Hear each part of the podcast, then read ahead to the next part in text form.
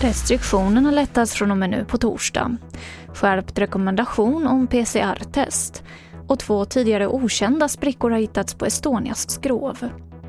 TV4-nyheterna börjar med att idag höll näringsminister Ibrahim Baylan och statsepidemiologen Anders Tegnell pressträff om coronarestriktionerna. Regeringen har beslutat om ytterligare lättnader helt i enlighet med steg 3 i öppningsplanen som träder i kraft den 15 juli. Och detta trots att Sverige riskerar att gå in i hösten med hög smittspridning om allmänheten inte är försiktig, enligt Anders Tegnell. Men trots det så görs alltså bedömningen att restriktionerna kan lättas. Från och med den 15 juli kan de som organiserar långväga kollektivtrafik ta emot passagerare med full kapacitet. Då lyfts nämligen begränsningen om att endast hälften av sittplatserna kan bokas bort. För passagerare gäller naturligtvis fortsatt att, att vara försiktig och vaksam. Om man har symptom eller känner sig sjuk, då bör man stanna hemma. Man bör isolera sig och testa sig för covid-19.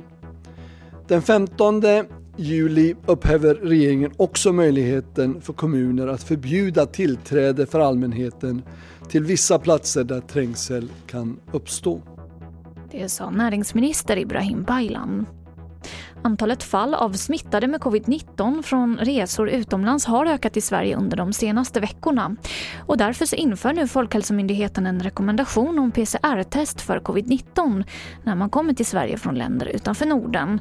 Och även svenska medborgare omfattas nu av rekommendationen som gäller från den 12 juli till den 31 augusti.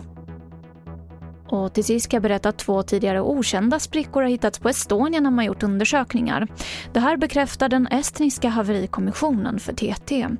Sprickorna är mellan 10 och 15 meter långa och det är oklart om de har uppstått i samband med eller efter förlisningen. Och mer om det här på tv4.se. Och det var det senaste från TV4 Nyheterna. Jag heter Emily Olsson.